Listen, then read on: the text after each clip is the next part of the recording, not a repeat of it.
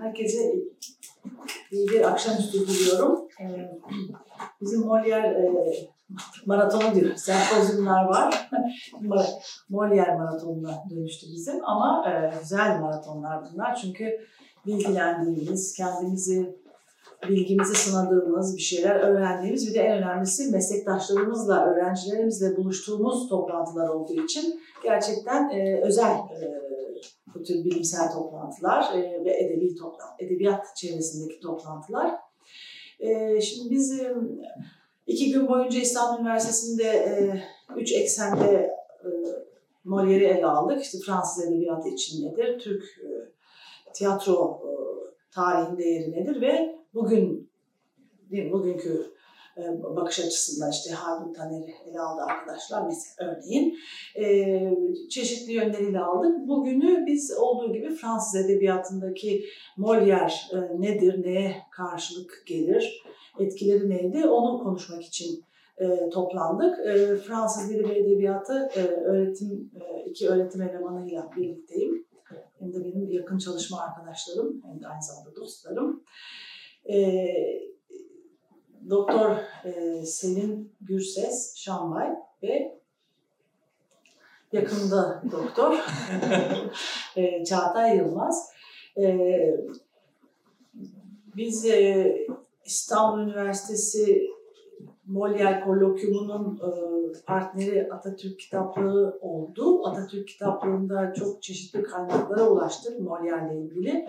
E, Selin hocamız o sergide e, küratörle birlikte çalıştı. E, biz de e, Atatürk Kitaplığı'nın çeşitli e, çalışma gruplarında hem sanal ortamda hem de yüz yüze çeşitli toplantılar yaptık ve biz Fransız Edebiyatı alanında çalışanlar olarak fark ettik. Çok başka bir Molière var. Çok Molière'in Türkiye'deki yan, yankısı, yansıması, etkileri öyle birkaç sözcüğe indirilecek gibi değil. Ee, şimdi biz böyle Fransız edebiyatından bahsedeceğiz ama arkamızda böyle büyük bir bilgi alanı var. Onların doğrultusunda, onların da etkisiyle daha anlamlı cümleler kurmaya çalışacağız tabii. Ee, şöyle düşündük, ee, Fransız edebiyatında, Fransız düşünce tarihinde e, Molière nasıl alımlandı, ne oldu? Ee, nasıl işte 400 yıl sonra aynı heyecanla e, Fransa'da da öyle, burada da öyle gerçekten e, büyük bir heyecanla, aynı heyecanla tekrar okunması, tekrar üzerinde konuşulması e, örnek bir durum. Yani birçok yazar için, birçok oyun yazarı için belki olmayacak bir şey. Dolayısıyla şöyle ben sözü seninle başlatmak istiyorum. Önce İstanbul'daki bizim çalışmalar çerçevesinden Molière'i bir yerleştirelim kendi tamam. şeyine, e, yörüngesine. Sonra da Fransız edebiyatına doğru geçelim. Ee, teşekkürler hocam. Şimdi biz tabii 400. yani Molière'in 400. yaşı etkinlikleri çerçevesinde birkaç ayakta hocamın da dediği gibi birkaç ayakta çalıştık. Çalışmaya da devam ediyoruz gördüğünüz gibi. Ee, bunların aslında ilki, ilki değil, e, gerçekleşme sırasıyla değil ama fikir olarak ilki e, Molière konuşmalarıydı. Önce kolokyumla başladık biz ve 11-12 e, Mayıs tarihlerinde bu hafta içi İstanbul Üniversitesi'nde bir Molière kolokyumu düzenledik. Daha çok Türk dili, çeviri, dramatürji ve Fransız dili konusunda alanında çalışan hocalar, akademisyenler, araştırmacılarla birlikteydik.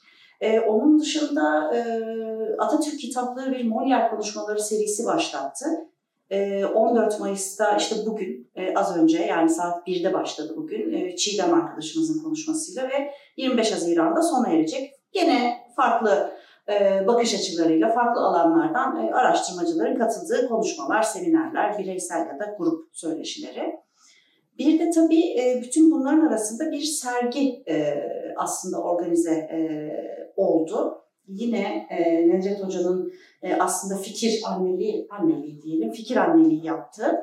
E, ve sonunda işte kürasyon ekibinde benim de yer aldım ve çok da keyifli geçen 20 Mayıs 30 Haziran tarihleri arasında Atatürk kitaplığında böyle bir sergi var. İşte sergide Fransızca orijinal kitaplar, e, Rumca, Ermenice, Osmanlıca işte bütün bu imparatorluk dillerinin e, barındığı oyun afişleri, periyodik yayınlar, eleştiri yazıları, rol dağılımları gibi hem görsel hem de yazınsal materyal. Biz bütün bunlarla birlikte bu kolokyum, konuşmalar, sergi çalışmaları derken biz bir şey öğrendik aslında.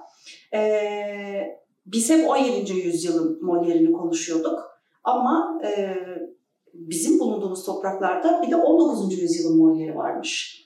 Ee, biz bunu tabii diğer yani Fransız e, araştırmacılardan değil, yani Fransız dili edebiyat araştırmacılarından değil, diğer bakış açılarından öğrendik.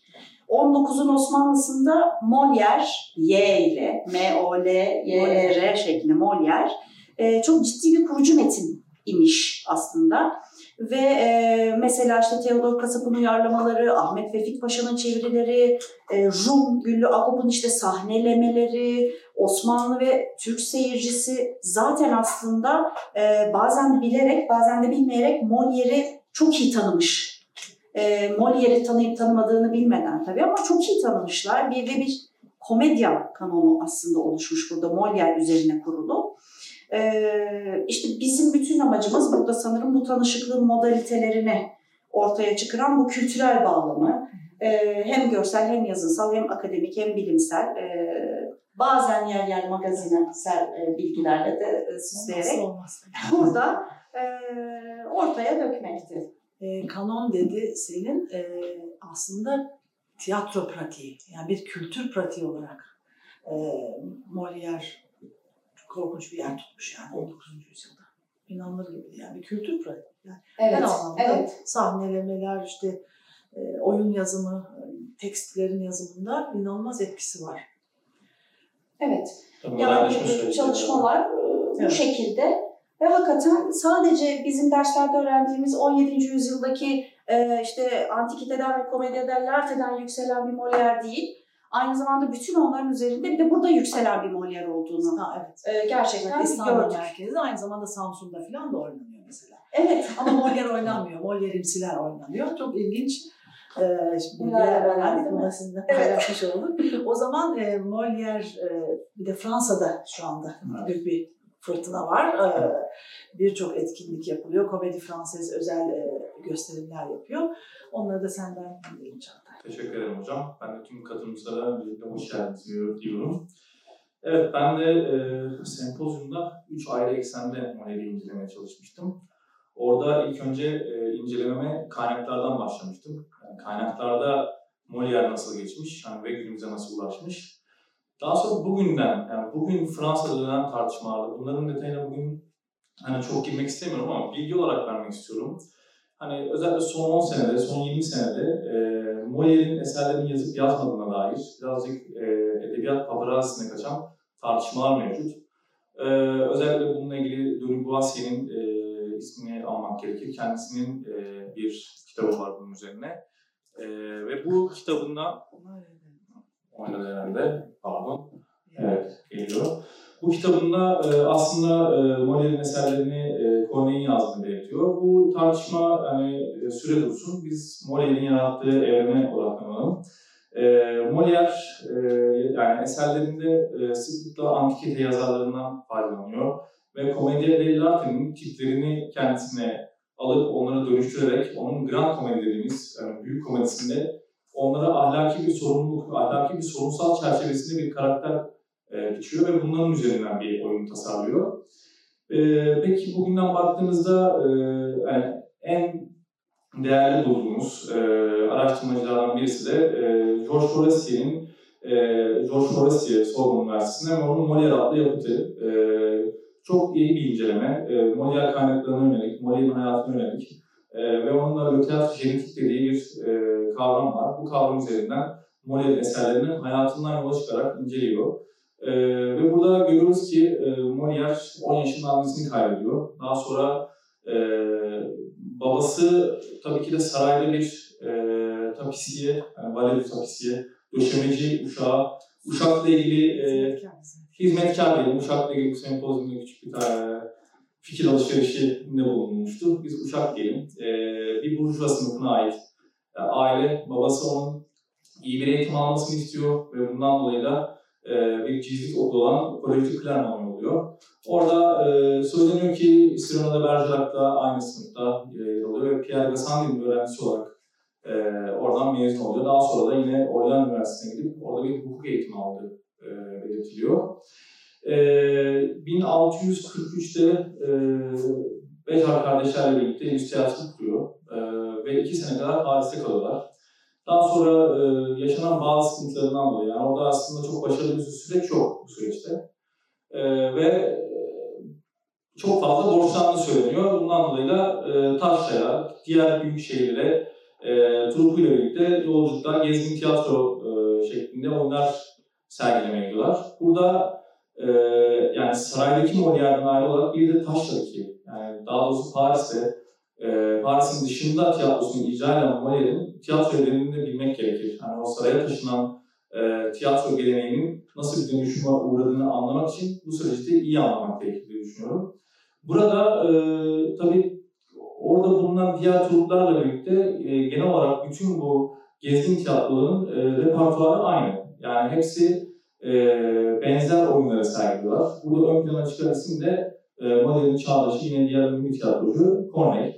E, ilk olarak Corneille oyunları oynanıyor ve ardından e, kaba güldürü şeklinde tek perdelik, çok uzun olmayan e, fars dediğimiz güldürüler oynanıyor. Burada 2-3 e, yetenekli yazar diyebileceğimiz farklı yazarlar, o trupların başında olan yazarlar. Yani yazdıkları yine kısa olan oyunları sergileme imkanı buluyorlar. Bunlardan birisi de Molière tabii ki. E, yavaş yavaş e, oyunları sergile sergile isimleri duyulmaya başlıyor. Çok uzun bir süreç, 12 yıllık bir Paris dışında yaşanan e, bir süreçten bahsediyoruz. E, ve 1655 ilk defa tek perdeli olmayan Ekil Etude oyununu sergiliyor. Ondan itibaren de e, saraya e, geçtiği bir süreç var. Burada e, karşımıza çıkan en önemli eseri de e, Precious Ridicule, yani gümüş kibarlar. E, ve ardından 1662'de kaleme aldığı ve sergilendiği e, L'École de yani Kadınlar Mektebi diye çevirebileceğimiz oyunu. Artık e, o uzun taşla geçirdiği, o Fars türünde sergilediği oyunlardan yavaş yavaş e, Grand Comedy türüne, yani daha e, yüksek bir sınıfa hitap eden e, oyunları oyunları sergilediği e, döneme giriyor ve burada da e, bu süreci giderken dediğim gibi e, aldığı eğitimin de e, bir rolü var. Bunu da şöyle açıklamak istiyorum. E, çağdaşı e, Pierre Corneille yine benzer bir eğitim alıyor. O da hukuk eğitimi alıyor ama e, o dönemde alınan hukuk eğitimi e, O da cizvit. evet o da cizvit. E, aldıkları eğitim de çok benzer ve e, fakat o e, daha e, teorik diyeceğim, daha e, o dönemin toplumunda daha üstün bir tür olarak görülen tragedi türünde eserler yazıyor ve komedi türüne yönlenmiyor. Fakat Molière e, o grand komediyi hemen ortaya koymuyor, hemen icra etmiyor. Öncelikle aktör oluyor. Yani karşımızda bir e, yani çok önemli bir simge yazar var ama önemli bir aktör var aynı zamanda ve e, eğitiminden sonra ilk tercih ettiği yol e, tiyatronun performans alanı. Yani performanstan kreasyona bir geçiş var burada. Bunu e, Molière özelinde iyi anlamak gerekiyor. Yüzyılında açıkçası bir köprü e, köprüsü oluyor diyebiliriz. Yani 17'den 18'e 16. yüzyılın o kaba gündüzünü taşıyıp komedi delilerden alıp onu taşıyıp 17'den 18'e aktaran, aktaran bir figür olarak karşımıza çıkıyor. E, bu açıdan e, Molière'in yaşantısındaki bu süreç, onu e, sokaklardan, e, pazar yerlerinden, sergilenen o komedi dell'arte türündeki oyunlardan daha e, yüksek, e, yüksek demeyelim de ahlaki problematiklerin, ahlaki e, konuların işlendiği, e, işte Arpabon'un cimriliğinden, e, işte Tartuf'un yani Ruhban sınıfına olan e, hiçbir satir türünde yazdığı bu eserlerine kadar e, gördüğümüz özel tipler mevcut. Buna geçişte e, hayatının ve aldığı eğitimin e, taşrada ve işte diğer şeylerle geçirdiği tiyatro serüveninin bir önemi olduğunu görüyoruz. Yani bu e, ilk kısımda ben yani bu hayatındaki çizgileri ortaya koymaya çalıştım. İsterseniz saraydan itibaren de sözü e, Selim hocamıza daha önce Evet. Nevzat hocamıza Çok iyi oldu. Benim de aklıma bir şey geldi. Yok. Şimdi bu e, ahlak e, hani ikinci döneminde e, işte ahlak ahlaki mesajlar içeren, e, insanlık durumunu anlatan e, oyunlarından bahsetti Çağatay. O çok iyi oldu çünkü biz Molière'i genellikle işte e, işte komedinin e, modern anlamda komedinin kurucusu, e, komedinin en büyük e, yazarı gibi görüyoruz ama aslında Molière e, herhalde senin de değinecek moralist yani 17. yüzyılın edebiyat e, anlayışının en önemli e, öğelerinden biri olan insana işte doğru insan olma, işte ahlaklı insan olma, e, bir ideal bir ülkü çerçevesinde davranmayı, okumayı e, öneren, öğütleyen bir dünya görüşü var. O dünya görüşünün içinde de biz örneğin Fransız edebiyatından bizim öğrencilerimiz ya da eski öğrencilerimiz var. İşte La Rochefoucauld, La Bruyère, e, Kardinal Lorenz. Bunlar böyle e, zaten insanı anlatan e, e, yazarlar. Öyle bir edebiyat, büyük bir edebiyat var. Molière'in moralist tarafı da işte yani kibar, aşırı kibarlık, sahte kibarlık işte e, gibi, gibi olmaya çalışma. Değil mi? Bütün bunların e, gülündüğü, gülünmesinin arkasında da aslında o var. Yani biz saraydan kahkahalar yükseliyor dedik ama o kahkahaların arkasında da böyle kara kara düşünen bir takım insanlar var. E, o anlamda onu söylemek istedim. Bir de senden şeyi rica edecektim.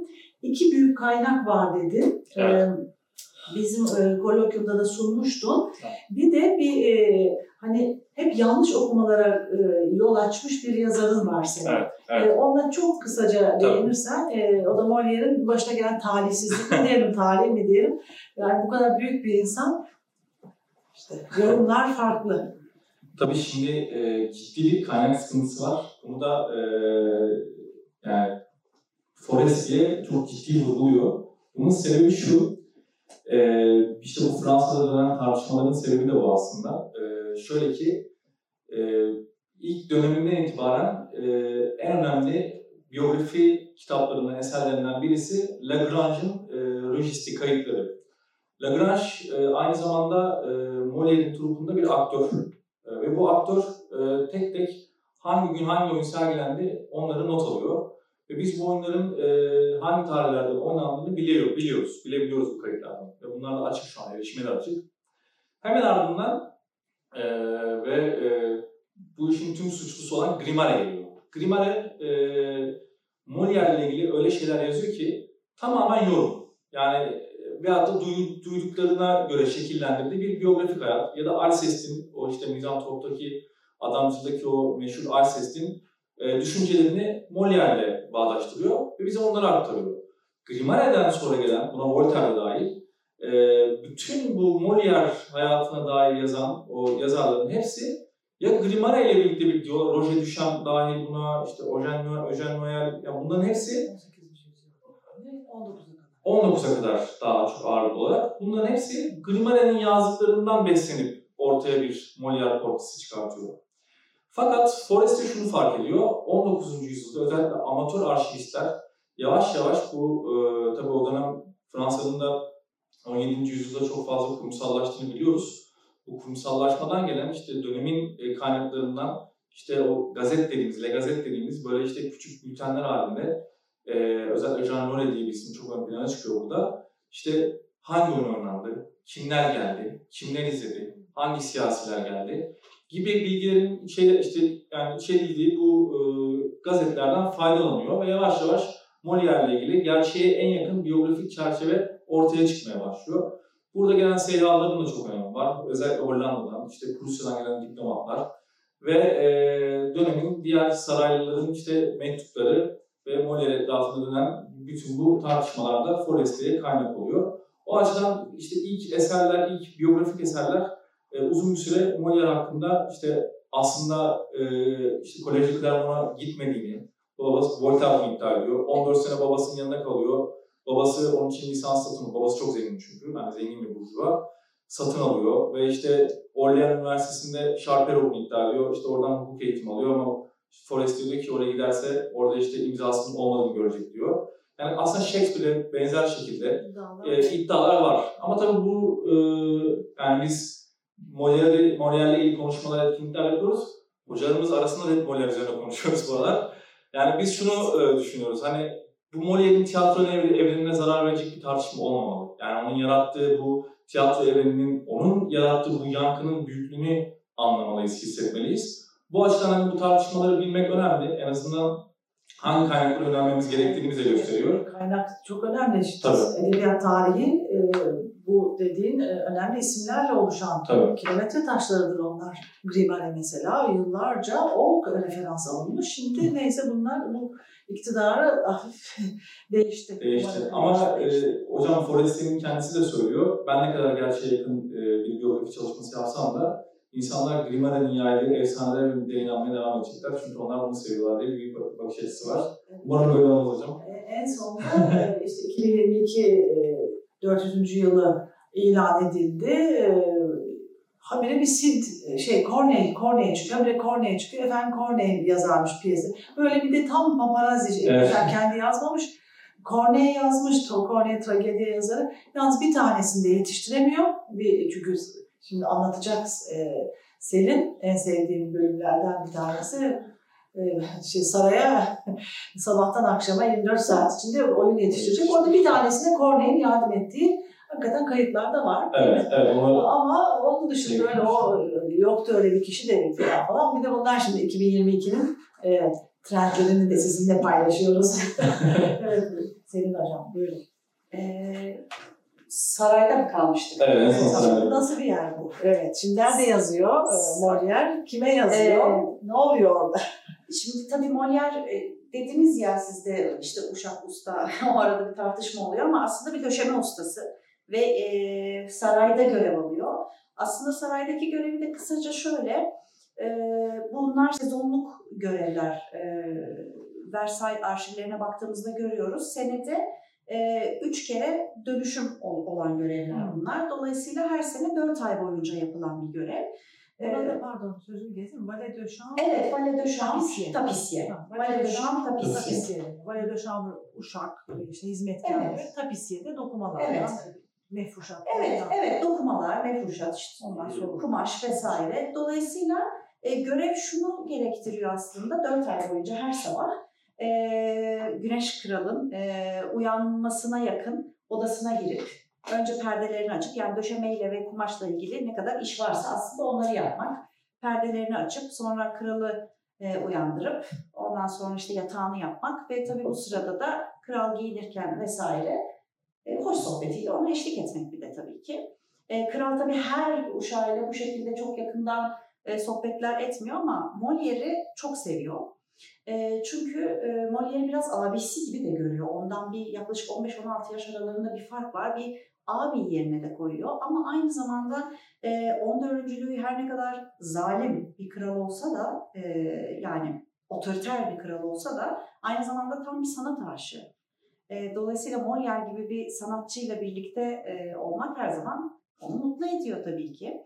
E, bir de biraz da nükteden bir e, kral kendisi de gerçekten Sanattan anlıyor. zeki bir de hocam. Evet sanattan Sanattan anladığı için mükemmel. Yani e, dolayısıyla da mesela e, bazen şey yaparmış böyle saraydaki gösterilerde işte böyle değişik e, eksantrik huyu olan bir e, aristokratı gösterip sonra Molière'i dürtüp işte siz böyle bir tipleme yazmadınız. Bunu da yazın diye e, sürekli böyle Molière'i evet, evet, motive edip böyle ona e, şey de sağlarmış. Yani müthiş de bir aslında altyapı e, ve malzeme de veriyor. Tabii e, bazı balelerde de oynadığını biliyorum. Evet, evet. Ee, şeyde, e, Le Ballet, e, Komedi baleti. Le Ballet du Soleil'de, komedi balede e, kendisi de oynuyor, bale Bale yapıyor. Oynamıyor yani. Bale yapıyor. Evet, evet, bale. Çok Güneş Kral e, lakabı oradan geliyor zaten. Evet. Güneş şeklinde Evet. kıyafetle Evet. oraya çıkıyor. Evet, güneş maskıyla birlikte. Evet, güneş maskeli. Ve zaten gerçekten e, çocukluğundan beri çok güzel bir insan olduğu hep söyleniyor. O çok iyi bir Ee, bale. evet. Bale. Tabii bir de kral olunca demek bakımlı da e, olunduğundan hani böyle bir ışıl ışıl parlama hali de oldu olunca Şimdi parlayınca da sahneye çıkıyor. tabii. Işıl ışıl parlayınca sahneye çıkıyor. Orada daha da parlıyor ve e, gerçekten e, Güneş Kral zaten e, Güneş Kral olarak da aslında daha önceden de e, lanse ediliyor. Forestier daha önceden aslında Güneş Güneş Kral olarak onu e, ismini kendi seçtiğini söylüyor ama tabii bunların hepsi tarihsel şeyler. E, yani şeyle birlikte e, kralın gerçekten çok büyük bir sevgisini kazanıyor. E, saygısını da kazanıyor. Kral e, Le Précieux Ridicule yazdığında Molière hatta e, şey diyor, e, evet e, burada mesela hani Gülünç Kibarlar falan gibi, Lepre, orada mesela ilk premierini e, yaz turnesi sırasında Versailles'da yapmaya karar veriyor e, Molière.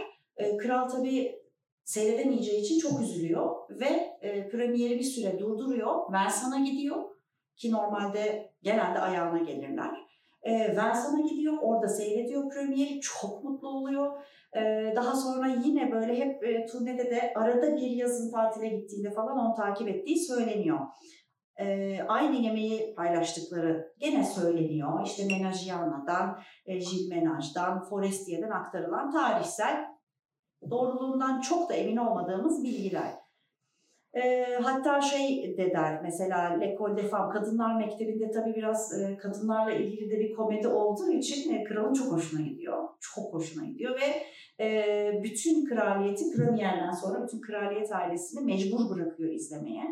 E, mecbur bırakmadan önce de şey diyor, ben çok güldüm, yanlarım ağrıyor hala, siz de güleceksiniz e, diye e, herkesi e, yani zorlamıyor tabii de bir motivasyon e, söz konusu açıkçası. Bir de hocam dönem, dönemin, dönemin salonlarında e, yani çok konuşulan konular aktarılıyor kadınlar ülkelerinde. Yani bir e, evet güncel yani e, bir koca nasıl bir kadınla evlenmeli, e, işte bir kadın nasıl olmalı, Nasıl e, hareket etmeli? nasıl hareket etmeli. Bunlar o dönemin salonlarında da çok konuşulan e, Tabii. konular. Yani e, hocam şimdi şöyle bir şey var. E, bir önceki dönemin barok rönesansına baktığımız zaman çok özgürlükçü ve doğaçlamacı bir sanat ortamı görüyoruz biz aslında. E, hem görsel sanatlarda hem işitsel sanatlarda, müzikte hem e, gene performans sanatlarında işte o komedya dell'arte'ye değindim mesela. E, sonra tabii e, evet 14. Louis dediğimiz gibi çok e, rafine zevkleri olan bir güneş kral, bale yapıyor ama aynı zamanda çok otoriter bir kral. Ee, ve bu konuda da çok başarılı. Ee, tabii ki de halkı, saraylılar, işte yönettiği tüm o tebaasıyla kendi arasına koymak istediği bir takım kurallar var. Bu kuralların da e, aslında tamamını edebiyata yansıyan klasisizmde de çok rahat görebiliyoruz. E, çünkü tabii ki de e, halkının ölçülü, düzenli ve kurallı bir e, hayat yaşamasını istediği için klasisizmin en önemli üç yani regl, ordre, metre e, ölçü, düzen, kural e, şeklinde bir üçlemeyle e, müthiş baskın bir sanat gücü ortaya koy, koyduruyor. E, Racine'le, La Fontaine'le, Corneille'le, Molière'le. E, çünkü o dönemin medyası aslında tiyatro. Yani o dönem o dönemin e, hitap şekli değil mi? E, tiyatro. E, halkıyla iletişim yolu. E, eğer halkına bir şeyi e, empoze etmek istiyorsa ya da öğretmek istiyorsa bunun yolu tiyatro. E, onun için de klasisizm bir endoktrinizasyon gibi e, gelip bütün sanata yerleşiyor aslında. Yani artık 1660 tamamıyla e, bu barokun filan bittiği, bütün işte e, oyun şöyle yazılır, konular şu olmalıdır, melidir, melidir, malıdır Evet, olan Boileau'nun da bunları kaleme aldığı ars Evet. poetikalı bir e, 1660 ekolü artık bu ve orada da işte Molière komedide Evet. İşte grand komedi artık değil mi? Evet. Komedya dell'arte'nin, e, işte jest komedisinin, küçük küçük bütün o farklı komedi türlerini e, komedya geleneğine yediriyor. Grand komedi dediğin senin de o son dönem o büyük e, şeyleri de çıkmış oluyor, oyunları da çıkmış oluyor belki. kralla ilişkilerinde Bozulma. E, var tabii tartüf. E, aslında e, aslında kralla ilişkisi hiçbir zaman bozulmuyor. E, kral her zaman e, çok destekliyor Molière'i. Aslında bütün sanatçılarını çok destekliyor. Yani Corneille de kralın arası hiçbir Evet. zaman bozulmuyor. Oraya bağlılar. E, La Fontaine'le de bozulmuyor. Efendim? Oraya bağlılar. Çünkü Tabii, evet, tabii oraya bağlı. sarayın yazı. Tabii saray, sarayı var. yazıyorlar, sarayı anlatıyorlar. Eleştirdikleri zaman da araları bozulmuyor. Bir de tabii hani 14. ile e, aranızın bozulması demek aslında hayatımızın da demek. Onun için her şey yani hani arası bozulan biri varsa da muhtemelen tanınmamıştır tarih boyunca. O yüzden muhtemelen bunlar. Şimdi tartüf e, ruhban sınıfını eleştir, ruhban sınıfını eleştirmiyor aslında. Ya, fo devo dediğimiz Evet. yalancı ruhban. Yani yalancı din adamlarını aslında eleştiriyor. Sahtekar. Sahtekarları, iki yüzlüleri. Değil mi? Evet. evet. Her alanda Ee, olduğu gibi orada da Tabii ki. onun sahtekarı. Tabii ki. Onun evet. Ee, ama ne yazık ki e, bunu Moller'in de söylediği bir şey var. Ee, diyor ki ben doktorları da eleştirdim. Çünkü doktorların da dürüstleri var, sahtekarları var. Ee, kadınlarda da dürüstler var, sahtekarlar var. Ee, politikacılarda da var. Ee, işte hatta şeyler boynuzlu kocalarda da var falan diye böyle güler.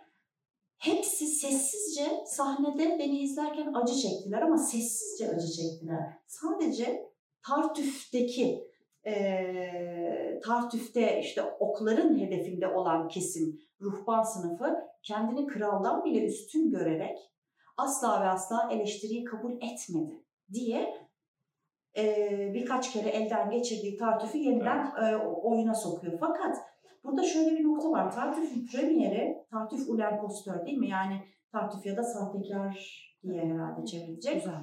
e, düzenbaz. E, ilk e, gösteriminde zaten e, kral ayakta alkışlıyor tabii. Çok hoşuna gidiyor çünkü. E, kral ve işte saraylılar. E, fakat daha sonra e, halka açıldığı zaman premierden sonraki ilk gösterimde e, kilise tarafından e, sahnedeki ateizm diyerek suçlanıyor ve yasaklanıyor.